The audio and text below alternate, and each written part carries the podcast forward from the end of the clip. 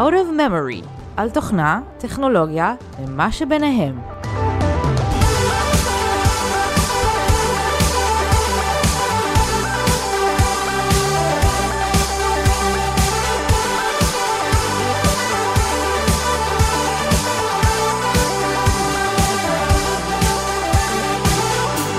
ברוכים הבאים לפרק השלישי של Out of Memory. אני מיכה קאופמן. ואני עופר זליג, התאריך היום 23 ביולי 2019, אנחנו מקליטים כמו שהבטחנו לכם בפרקים הקודמים משתי יבשות שונות. בואו נתחיל, מה בא בפרק היום מיכה? כן, אז באמת, כמו שעופר אמר, אנחנו עם שתי יבשות שונות הפעם, עופר מאוסטרליה, אני מישראל.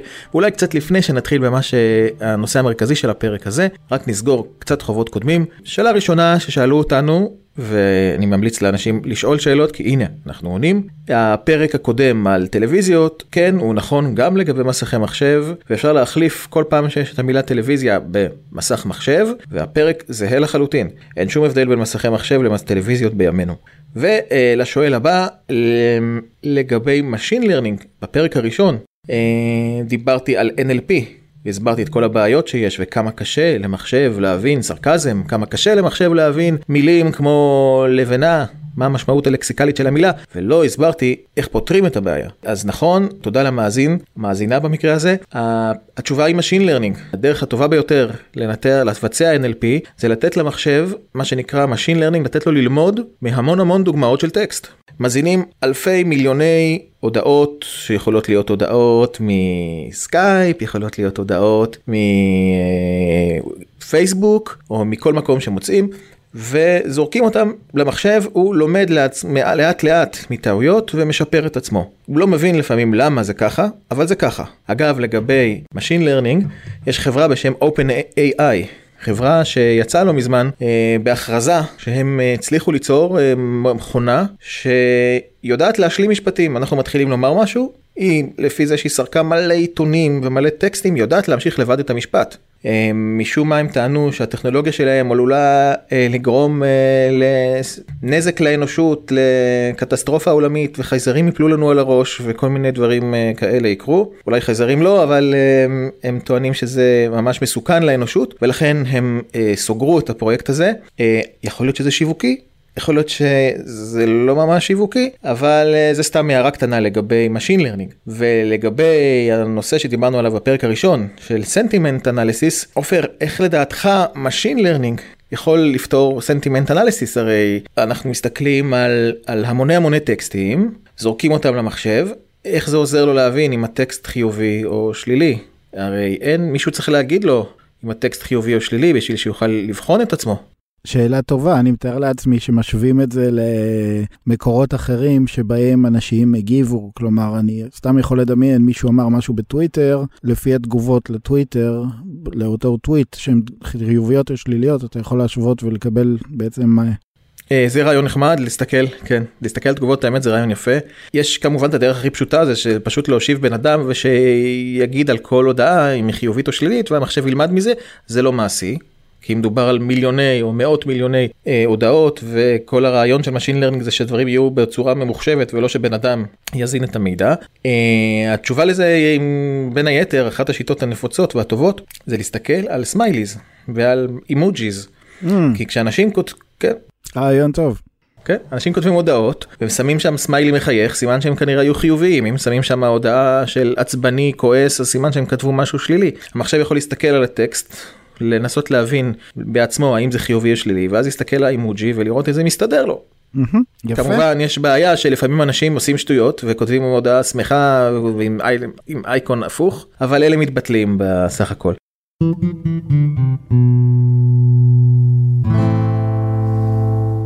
זהו, אז אלה היו חובות קודמים, ואני מציע לאנשים להמשיך לשאול אותנו שאלות ולהציע רעיונות כי אנחנו נתייחס אליהם.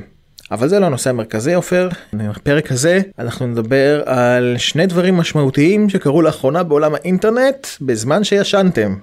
אז הסיפור הראשון זה הסיפור של מלחמת החתול והעכבר של כרום, של גוגל נגד מפתחי האתרים. והנושא השני הנפילה של האינטרנט. האינטרנט לא מזמן, ממש לפני כמה ימים, נפל לנו עופר למשך כמעט חצי שעה אם לא יותר קצת. כן חצי שעה או שעה. משהו כזה, חצי מהאינטרנט נעלם. וגם על זה נדבר. כן, מיכה. אז uh, הסיפור הראשון, סיפור בקטנה, לפני שנגיע לסיפור העיקרי של uh, נפילת האינטרנט, מלחמת החתול והעכבר, כמו שאמרת, של כרום ומפתחי אתרים. מה שקורה זה ככה, יש לנו את מצב אינקוגניטו, uh, מצב גלישה בסתר, יש כאלה שקוראים לו uh, מצב פורנו, אני קורא לו מצב הזמנת מלונות וטיסות בבוקינג וכולי, בלי שמעלים לנו את המחיר כי רואים שאנחנו מחפשים שוב ושוב. אז מסתבר שאתרים מסוימים לא אוהבים שאנחנו גולשים במצב אינקוגניטו, מיכה. הם רוצים שאנחנו נגלוש במצב רגיל, ויש לנו סיבות טובות מאוד לגלוש במצב אינקוגניטו, אבל uh, מסיבות מסחריות שלהם הם לא רוצים שנעשה את זה. ולכן הם פיתחו מנגנונים שמזהים שאתה במצב אינקוגניטו. למה בעצם עופר אכפת למפתחי אתרים אם אתה גולש אצלם באינקוגניטו או לא? למשל אני יכול לחשוב על עיתונים שעובדים על uh, מודל של מנוי שאתה יכול לצפות שאתה יכול לצפות בכך וכך מאמרים uh, בלי לשלם ואחר כך לשלם. ברגע שאתה במצב אינקוגניטו אז הזיכרון של הדפדפן של הדברים שעשית קודם מה שנקרא קוקיז לא קיים. לא, הוא, הדפדפן, 아, לא יודע, אוקיי. הדפדפן לא יודע מה עשית קודם ולכן אותם אתרים לא יכולים לדעת בכמה מאמרים uh, צפית. אז אם יש אתר כמו עיתון הארץ נגיד, שמגביל אותך לכמה כתבות ראשונות חינם, ואחרי זה אתה צריך להתחיל לשלם, אז הוא סופר לך את הכתבות שקראת, ואם אתה באינקוגניטו הוא לא יודע כמה קראת, ולכן הוא ייתן לך כל הזמן את המאמר החינמי, כי הוא חושב שזה פעם הראשונה שאתה גולש אצלו. נכון, וכדי להימנע מזה, הם מזהים שאתה במצב אינקוגניטו, ואומרים לך, אל תגלוש במצב אינקוגניטו. וכרום לא אוהבים את הדבר הזה. הגולשים כמובן לא אוהבים את זה, אבל גם גוגל שמפתחים את כרום לא אוהבים את הדבר הזה. אז בינתיים הניצחון הוא עופר של מפתחי האתרים, כי הם יודעים לזהות שאתה במצב אינקוגניטו. או, כך נראה רק. זה מה שהיה עד ממש הימים האחרונים. הניצחון הזה נובע מזה שבאמת מפתחי אתרים מצאו, אה, מצאו את אותה דרך לזהות אינקוגניטו והם עשו את זה על ידי אה, תשאול איזשהו API של הדפדפן שנקרא file storage. אם ה file storage קיים הם יודעים שאתה לא באינקוגניטו, אם הוא לא קיים אתה כן באינקוגניטו, ואז מקפיצים לך את ההודעה שסוגרת לך את האתר. file storage זה היה פתרון שבו בעצם השתמשו מפתחי האתרים כדי לנצח במלחמה הזאת את, אה, את גוגל ולזהות שאתה באינקוגניטו ולא לתת לך שירות כשאתה באינקוגניטו. נכון. מפתחי האתרים פה מנצחים. וגוגל לא אהבו את הדבר הזה. הם אומרים שבשביל אה, שקיפות האינטרנט והפתיחות של האינטרנט, לא ייתכן שאתר יזהה באיזה מצב אתה גולש וימנע ממך לגלוש במצב הזה, המצב הזה לא הגיוני. ולכן גוגל באו ועשו דבר פשוט. הם אפשרו גם file storage באינקוגניטו. עכשיו, ישר תשאל את השאלה, רגע, אבל זה לא בטיחותי, איך? כן, מן הסתם הייתה סיבה שביטלו אותה, את ה file system. כן, כן, ב... אז הם עשו file storage שמבוסס על הזיכרון. כלומר, הוא לא באמת כותב לדיסק, זה איזשהו sandbox, ומבחינת ה-API זה בדיוק אותו דבר, ואז אין לך איך לדעת. מי מנצח בקרב החתול והעכבר, מיכה? אז, אז כרגע כרום מנצחים גוגל, כי הם מנעו את האפשרות אה, לזהות אם אתה באינקוגניטו. נכון מאוד. ובדיוק אתמול או שלשום נתקלתי ב blog post של מישהו שמצא דרך חדשה איך בכל זאת לזהות שאתה במצב אינקוגניטו. אוקיי, איך עושים את זה? אז הוא מצא דרך מעניינת להבדיל בין שני המצבים. הדפדפן נותן למפתח איזשהו כמות של storage אה, שעומדת לרשותו כשהוא כותב באותו file storage שהזכרנו קודם. הוא גילה והוא באמת אה, חפר ככה בהרבה uh, מסמכים של כרום עצמו, אה, דיונים, דיונים של המפתחים ו feature request וכן הלאה, שגוגל מקצים לדף שהוא לא אינקוגניטו כמות זיכרון מסוימת, או כמות storage מסוימת שהיא נגזרת של כמה מקום פנוי יש לו בדיסק, כאשר אם יש לו מעט מאוד מקום בדיסק הוא יקבל 120 מגה בייט אה, לרשותו, אבל בדרך כלל זה יהיה יותר. ובאינקוגניטו הוא מקבל 120 מגה בייט. ללא תלות בגודל של הדיסק שלו. ללא תלות בגודל, כן, אם הדיסק יהיה קטן יותר מגודל מסוים הוא לא יקבל גם את זה, אבל בוא נניח שלכולנו יש בדיסק אה, יותר מכמה ג'יגות פנויים. במצב הזה חלון לא, לא אינקוגניטו ייתן לך מספר של כמה מאות מגה בייטים ומעלה, תלוי, וחלון שהוא כן אינקוגניטו ייתן לך רק 120 מגה בייט. ברגע שהוא מתשאל כמה מגה בייט עומדים לרשותו, הוא יודע שאם זה 120, נכון שיש איזשהו סיכוי קלוש, שזה אומר שיש מעט מקום בדיסק, אבל כנראה שהסיבה היא שזה אינקוגניטו. וזהו, ונכון לעכשיו זה, זה הסטטוס, ובמשחק החתול והעכבר, מי, מי הפעם המנצח? הפעם מפתחי אתרים ניצחו. עכשיו הם יודעים לזהות אינקוגניטו, עוד פעם בזכות התגלית המרעישה הזאת. נכון מאוד. ונחכה בעצם למילה האחרונה שבוודאי לא נאמרה, נראה מה גוגל עושים, אני חושב שהם יכולים לפתור את זה בקלות. פשוט אה, לדאוג שלא תהיה שונות כזאת בין הנפחים העומדים לרשות המפתחים, לא כל כך קשה לחשוב על דרכים, אבל כרגע עוד אפשר. בטח זה רק עניין של זמן עד שהם יחסמו גם את זה, ושוב אה, גוגל ינצחו ולא נוכל לדעת שאתה באינקוגניטו.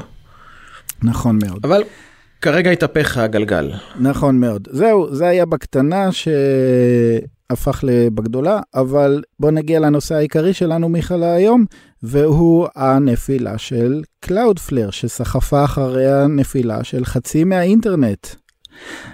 אתה אמרת בזמן שישנתם, אני חושב שמי שלא ישן באותו זמן היה מאוד ער ומרט את שערות ראשו להבין מה קורה. לא רק הגולשים, כנראה יותר מזה, בעלי האתרים אה, למיניהם שלא הבינו למה האתר שלהם לא עובד עד שהם גילו שהבעיה היא לא רק שלהם, היא של חצי מהאינטרנט. כן, האמת היא שלא בדיוק חצי. אה, אולי קודם כל נספר מה זה Cloudflare.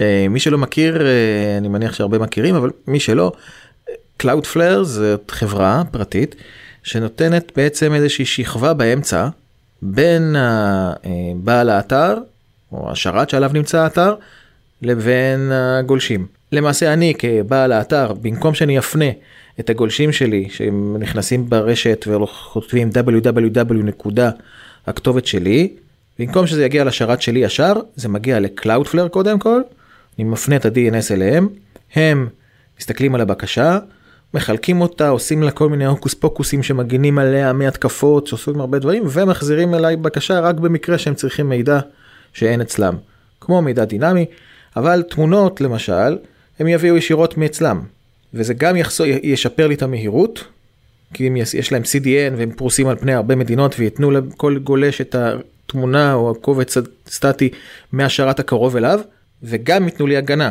מהתקפות דידוס ומכל מיני חולרות שיש באינטרנט, ויפנו אליי רק בקשות תמימות וטובות. אז זה מה שקלאודפלר ומה קרה? נכון מאוד, אז כן, אז הם עושים שני דברים כמו שאמרת בתווך, בגדול מאיצים את האינטרנט על ידי uh, פשוט לשפר המון המון דברים בתעבורה באמצע ומגינים עליו.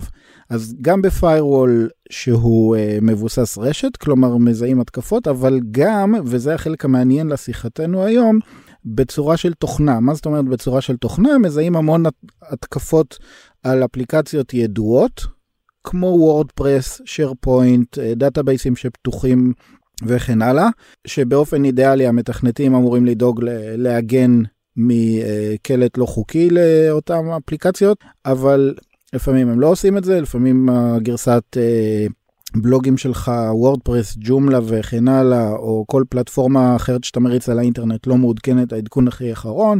לפעמים יוצא איזשהו zero day, מה שנקרא ממש אה, פרצה חדשה חדשה שעוד לא הגנו עליה.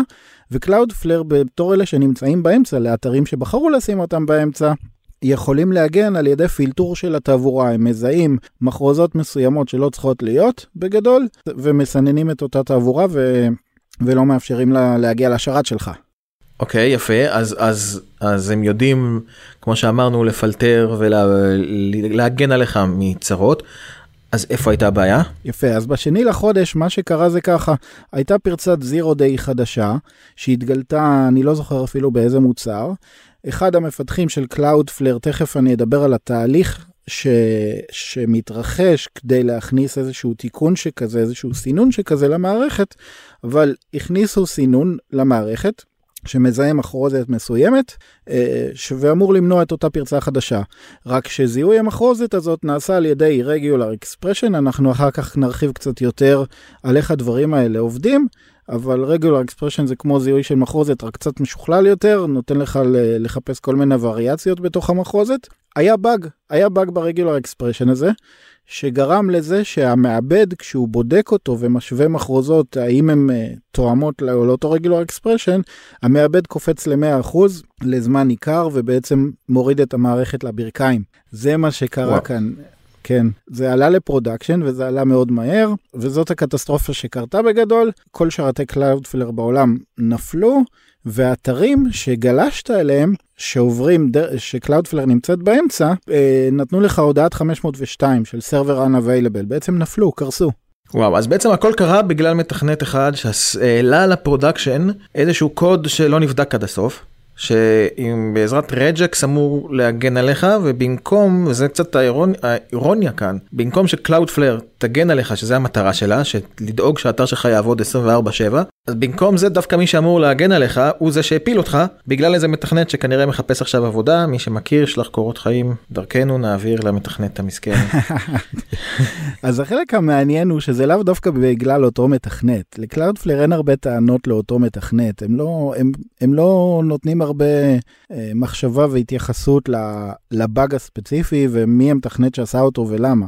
מה שהם עשו וזה החלק המעניין בכל הסיפור הזה, ואני ארחיב עליו גם עכשיו וגם אחר כך, זה ה post mortem שהם עשו. זה גם איך הם ניתחו ו- ובזמן אמיתי בדקו מה היה ו- והשתקמו מהתקלה, וגם הפוסט מורטם המאוד ארוך שהם פרסמו באינטרנט, שמהווה לדעתי דוגמה לכל החברות איך להיות שקופות, איך לקחת תקלה כשקורית להן תקלה ברצינות. לא לכסות אותה, לא להתנצל איזה התנצלות שטחית אה, ולכסות את עצמם ולצאת ידי חובה בתקשורת ולקוות שישכחו ויעברו לנושא הבא. איך לקחת את זה ברצינות, לבדוק רטרואקטיבית מה קרה, מה התהליכים שבכלל הביאו לכך שהדבר הזה יכל לקרות בחברה, תהליכים אנושיים, תהליכים טכנולוגיים, איך לתקן אותם כדי שלא תהיה יקרה מחר תקלה. מה היה בתהליכים? זה ממש ללכת אחורה, יש איזו מתודולוגיה כזאת שנקראת 5Y's, אתה שואל why, למה משהו קרה, והתשובה היא X. אוקיי, why, למה קרה ה-X הזה? וככה אומרים, המתודולוגיה הזאת אומרת, תלך חמש פעמים why אה, אחורה, כדי לקבל את, ה, את הבעיה המקורית שאותה אתה צריך לפתור. בכל מקרה, הם עשו ניתוח מאוד מאוד יסודי, כתבו הכל בבלוג, היו מאוד פתוחים עם כולם, וזה לדעתי משהו שמהווה ממש אה, דוגמה לכל החברות. נראה לי שהם לא חברה ישראלית, נכון? אם זה החברה ישראלית, אז, אה, אה, אז הפועלי בניין היו ממשיכים ליפול מהפיגומים עוד הרבה הרבה שנים. אף אחד לא היה חוקר מה קרה ומאיפה זה הגיע וזה. עדיין נופלים אנשים מפיגומים. משהו כזה, גם, גם בזה וגם בטכנולוגיה. אה, היה לא מזמן מקרה של חברה שהאקר מצא איזשהו, לא האקר, האקר שהוא מה שנקרא כובע לבן, כזה שעושה את זה כדי למצוא פרצות אבטחה, מצא פרצה, כתב להם, ובעצם במקום לקבל מכתב תודה, קיבל מכתב שמאיים עליו בתביעה, למה עשית את זה וכן הלאה. אבל לזכות החברות הישראליות, אם אפשר להגיד את זה ככה, זה לא קורה רק בישראל, זה דבר חובק עולם. לא, תקלות קורות, אבל um, תקלות קורות בכל העולם, גם בישראל, ההפך יותר בישראל אפילו, האופי שלנו, אופי של סטארטאפיסטים, שלא חוששים לנסות ולהיכשל, זה אולי יתרון שלנו, בגלל זה אנחנו אומת סטארט-אפ.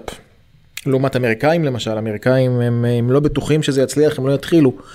ואולי זה היתרון והחיסרון שלנו, זאת אומרת, לנו יש לא מעט בעיות והמון סטארט-אפים שנסגרים והמון תקלות, מצד שני אנחנו לא חוששים ליפול ולקום. אבל uh, במקרה הזה, כמו שאתה אומר, מה שיפה זה שהם שלחו, עשו תחקיר מלא, לא uh, הסתירו כלום והיו שקופים לגמרי עם הבעיה, שממש סיפרו מה הייתה הבעיה, הבעיה ב regex שכתב מתכנת, שהכניס את זה ל production לפני שזה נבדק. זה רק ההתחלה. המ... רק תאר לך שיעשו את זה פה בישראל על הפועלי בניין שנופלים מפיגומים, איך זה ייראה.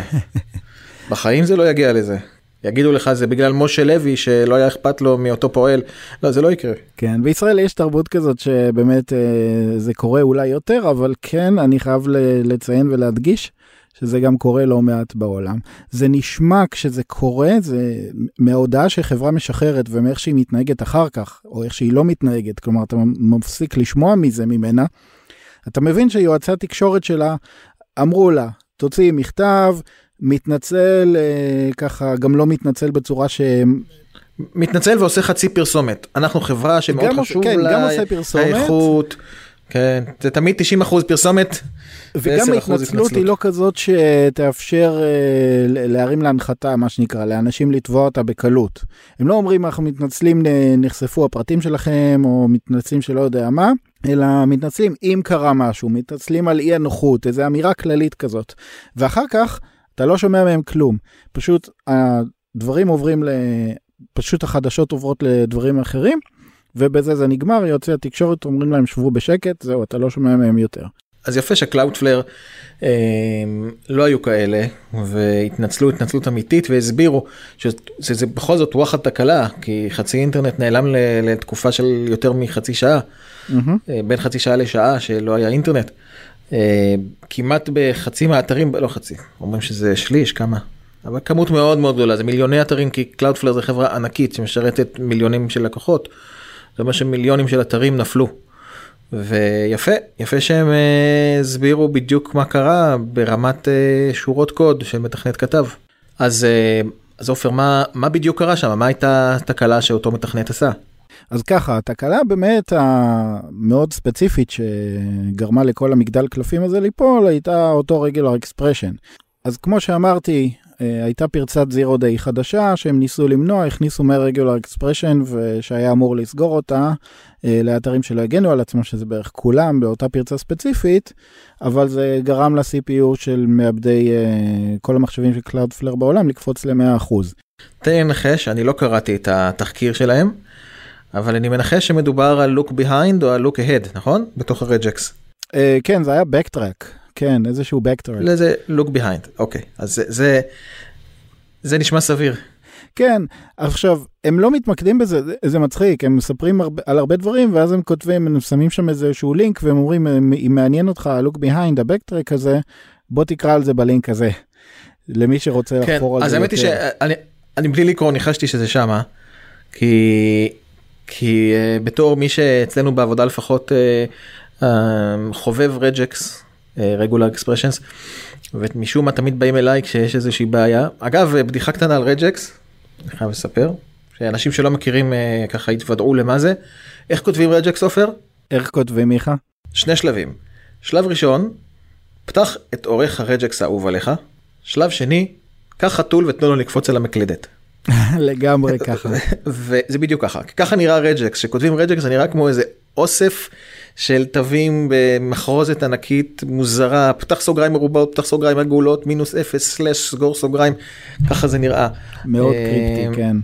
כן, אז זה נראה ככה מפחיד, אבל אני אוהב את זה באופן אישי, אה, אני אוהב לכתוב רג'קס, אבל בוא נמשיך uh, לספר מה היה, אז, אז מה שקרה זה שהוא הכניס את זה, הכל קרס, ואז הם אומרים, ואז הם אומרים, רגע, עכשיו בוא, בוא נראה מה קרה פה. ואז הם הסבירו איזה הסבר מאוד מאוד יפה וארוך על איך הם בכלל uh, מכניסים שינויים למערכת שלהם. השינויים לא נכנסים סתם ככה. הם עוברים ביקורת, הם עוברים review של uh, מתכנתים אחרים, נכנסים לאיזשהו continuous integration, מערכות אוטומטיות שמריצות את זה, טסטים uh, למיניהם, הטסטים בודקים שהדברים האלה עובדים ועושים מה שהם צריכים, מצד שני הם בודקים מ-false positives, כלומר שהם לא מסננים מה שהם לא צריכים לסנן, ויש המון המון אוטומציה. אחרי כל האוטומציה הזו, הדברים האלה לא עולים ישר ל production, הם נכנסים בהתחלה למערכות פנימיות שרק uh, Cloudflare משתמשים בהם, רק עובדי Cloudflare משתמשים בהם, רק הם מקבלים בעצם את אותו סינון של המערכת. אחרי המערכות הפנימיות האלה, תלוי מה השינוי, זה עולה למערכות שהן יותר איזשהו דוג פוד כזה של רק לקוחות שלא משלמים באחוז מסוים מקבלים את אותו סינון חדש שהכניסו, אחר כך לקוחות משלמים מעיר מסוימת בעולם מקבלים את השינוי הזה, למה עיר מסוימת? כי קל לקלאודפלר לנטר ולראות איפה פתאום יש איזושהי התנהגות מאוד מוזרה של המערכת הגלובלית שלהם דווקא באזור מסוים, ורק אחר כך זה הולך לעולם כולו.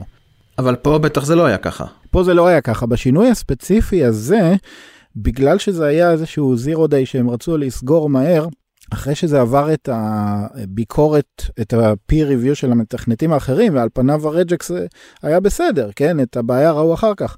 ועבר טסטים שבדקו, כמו שאמרתי קודם, גם שזה עובד וגם שאין לו false positives, הם העלו את זה ל production. עכשיו, יש להם גם מערכת נוספת שהם uh, מאוד מתגאים בה, שעושה deploy מאוד מאוד מהר של שינויים לכל, ה... לכל מערכת, ה... לכל רשת השרתים הגלובלית שלהם.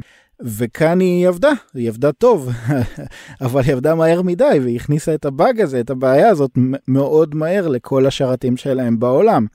ואז מה שקרה זה שכל מיני מערכות ניטור, אה, ניטור שרתים של Cloudflare עצמה פתאום קפצו, שלחו אס.אם.אסים ושלחו הודעות Slack ומה לא לעובדים של Cloudflare, לצוותי ה engineering והרשת.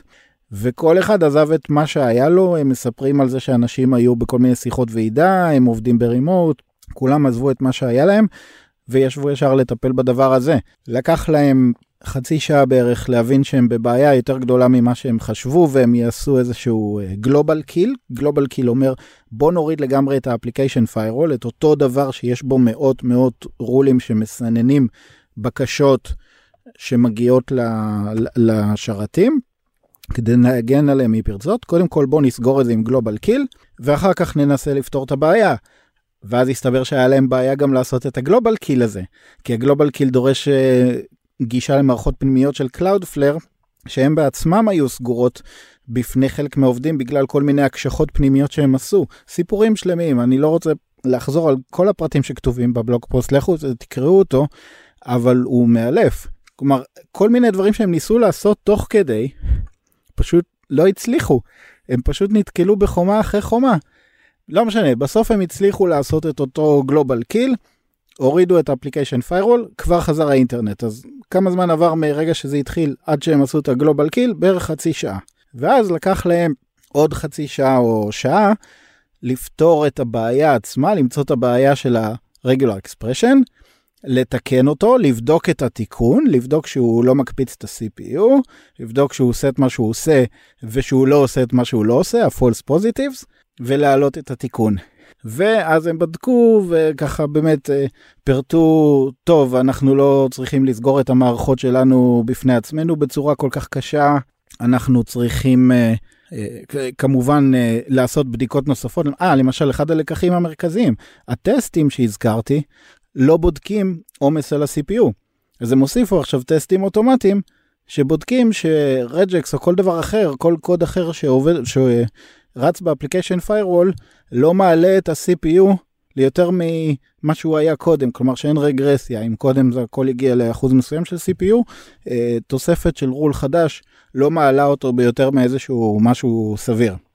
כן, אה, מה שיפה אגב, אירוני קצת גם בנפילה הזאת זה שחלק מהאתרים שאמורים לבדוק האם האינטרנט נפל, אם השרת שלך נפל ולדווח לך ולהתריע לך כשהאתר שלך נפל, אז גם הם נפלו, כי גם הם היו ב-Cloudflare. אז זה קצת אירוני שמי שאמור לספר לך, אה, לעדכן אותך שנפל לך אתר, לא דיווח כן, לך, כי גם הוא נפל. אחד האתרים המוכרים, אני לא יודע למה הוא בין המוכרים, כנראה כי הוא עולה ראשון בגוגל, הוא נקרא משהו כמו is it down for me or for everyone, נקודה com, כן, הוא בעצמו נפל. הוא נפל. עכשיו, דף הסטטוס של Cloudflare, שלכל חברה שמכבדת את עצמה יש דף סטטוס, גם הוא לא אמר שיש בעיה ב-Cloudflare. אנשים נכנסו לדף הסטטוס שעבד, הוא פשוט אמר הכל תקין.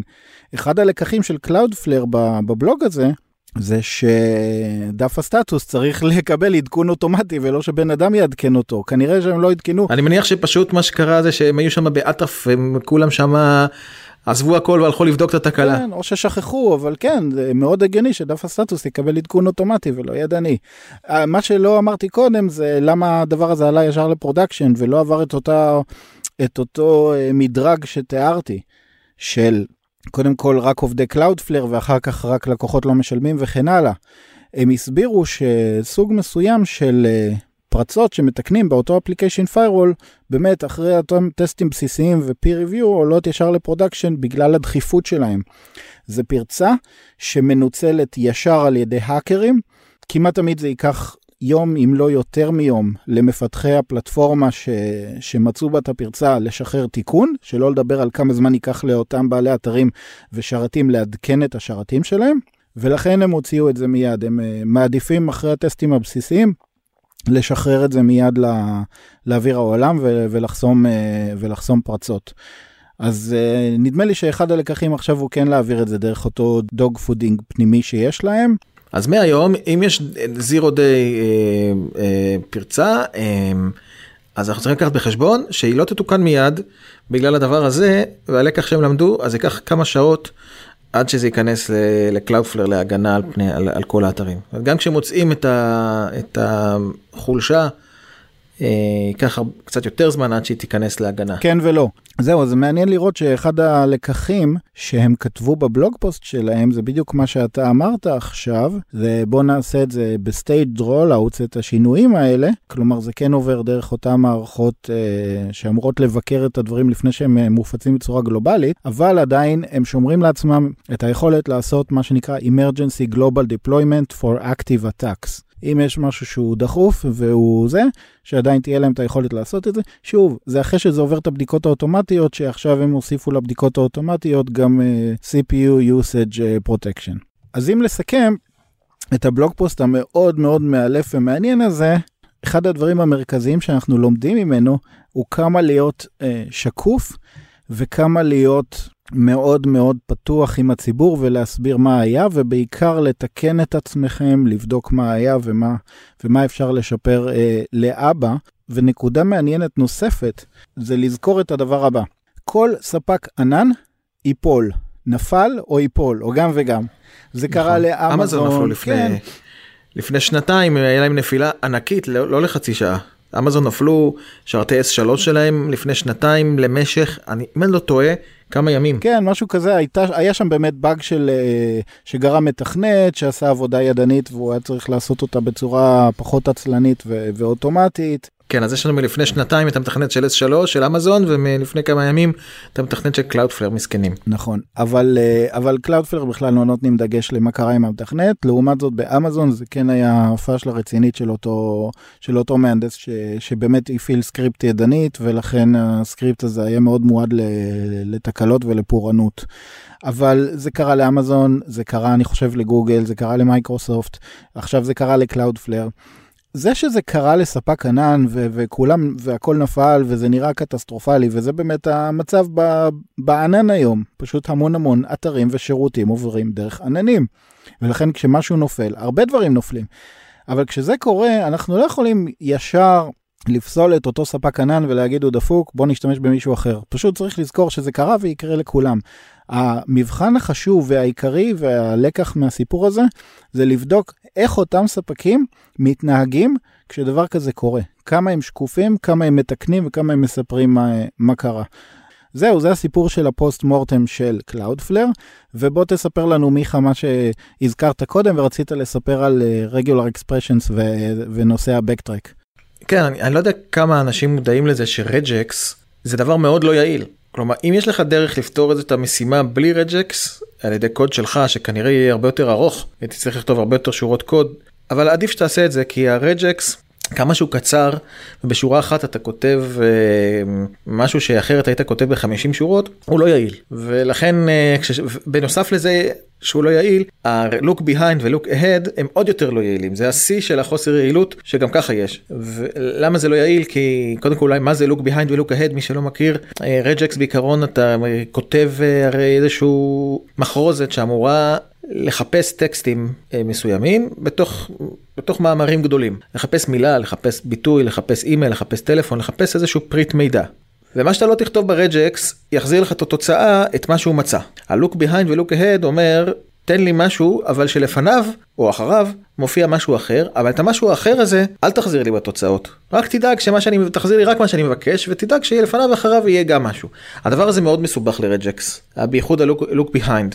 אני, היה לנו במקרה באמת כזה בעבודה שנפלה לנו מערכת בגלל regex. בדיוק הדבר הזה. לקח לנו המון זמן למצוא למה המערכת לא עובדת, בסוף הסתבר שזה פקודת look behind או look ahead של regex שהיינו צריכים לשפר אותה קצת. ומה שקרה לפני השיפור זה שזה פשוט הביא את המעבד ל-100% אה, באופן קבוע ורצוף. ממש אותו מקרה. נכנס ללופ אינסופי. ממש אותו סיפור. ממש, זה נכנס ללופ אינסופי. לא בגלל עומס, גם אם משתמש אחד נכנס. בגלל זה ניחשת מה קרה ל Cloudflare. כן, כן, בדיוק. זה, זה, regex זה לא יעיל ו look behind look ahead כל כך לא יעילים ועלולים להיכנס למצב של לופ אינסופי. אינסופי. אגב, אם מישהו רוצה טיפ, אז אם אתה עושה כבר look behind או look ahead, תחשוב גם במקרה שאתה ב-look behind הגעת לקצה של הטקסט, או שב-look ahead הגעת לסוף של הטקסט, ותוסיף שם אפשרות של הגעתי לסוף או הגעתי להתחלה, כתנאי שאומר זה, זהו, אז זה לא נמצא הטקסט אם הגעתי, וזה מקרה שקרה לנו. אבל באופן כללי לגבי regex, עדיף שלא תשתמשו בו, אם אתם יכולים לכתוב קוד משל עצמכם, שעושה את הוולידציות או את הבדיקות, תעשו אותו. אם יש לכם אופציה כזאת לחסוך את הצורך ב regex, זה תמיד יותר יעיל, אם כי יותר הרבה שורות קוד. זה הזכיר לי בדיחה נדושה, מה שאמרת, המסקנה שלך של עדיף לא להשתמש ב regex, על אותו מתכנת שאומר, הייתה לי בעיה, פתחתי Stack Overflow, מה שזה לא יהיה, ומצאתי את הפתרון לבעיה, אני אשתמש ב regex. נחשו מה? עכשיו יש לי שתי בעיות. כן, עכשיו יש גם את הבעיה המקורית וגם את הבעיה של regex. כן, אנשים לא אוהבים כל כך regex, אני מוכרח להגיד, למרות שזה קצר וזה חוסך להם הרבה שורות קוד, אבל זה נראה סינית. טוב, יפה מאוד. אז על מה דיברנו היום, מיכה? סגרנו פינות וחובות עבר של מאזינים שהיה חסר להם קצת אינפורמציה בפרקים הקודמים. דיברנו על מלחמת החתול והעכבר של גוגל וכרום המוצר שלהם נגד מפתחי האתרים סביב נושא זיהוי האינקוגניטו והגענו לנושא העיקרי שלנו שהוא מה קרה ב Cloudflare ויותר חשוב מזה איך הם התנהגו כמה הם היו שקופים ועם ה post mortem שהם עשו ועד כמה חשוב לבחור ספק שיודע לכבד את המשתמשים שלו ולהיות מאוד שקוף עם מה שקרה ולא להתבייש ולא להתחבא מאחורי כל מיני כסת"חים. אלא לבוא בצורה מאוד מאוד פתוחה, לספר מה היה, למה קרה ומה הם תיקנו כדי שזה לא יקרה לאבא. אז תנו לנו פידבק, כמו שראיתם בתחילת הפרק, אנחנו מתייחסים לפידבקים, ותכתבו לנו נושאים שמעניינים אתכם, אתם רוצים שנדבר עליהם, אנחנו נשמח לדבר על כל נושא שתעלו, בשביל זה בדיוק יש לנו את הפייסבוק עופר. נכון, יש לנו את דף הפייסבוק שלנו, פשוט תרשמו בפייסבוק Out of Memory Podcast ותמצאו אותנו, או תרשמו בגוגל Out of Memory Podcast ותמצאו את דף הפודקאסט. תוכלו בדף הפייסבוק לכתוב לנו, בקבוצת הפייסבוק לכתוב לנו, בדף הפודקאסט תוכלו לעשות subscribe אה, בפלטפורמות האהובות עליכ- עליכם, אם זה גוגל, אם זה ספוטיפיי, אם זה אפל וכן הלאה. זהו, ועד כאן הפרק השלישי של Out of Memory. כמובן, כמו שאומרות הבלוגריות, היוטיובריות. Share, comment and subscribe. כן, אם למדתם משהו חדש, ספרו לנו, מטרת הפודקאסט שלנו היא לתת ערך מוסף לאנשים, ללמד אותם משהו שאולי הם לא ידעו קודם, אז כמו שמיכה אמר קודם, תציעו לנו הצעות. זהו, נתראה בפרק הבא של Out of Memory. ביי מיכה. ביי עופר.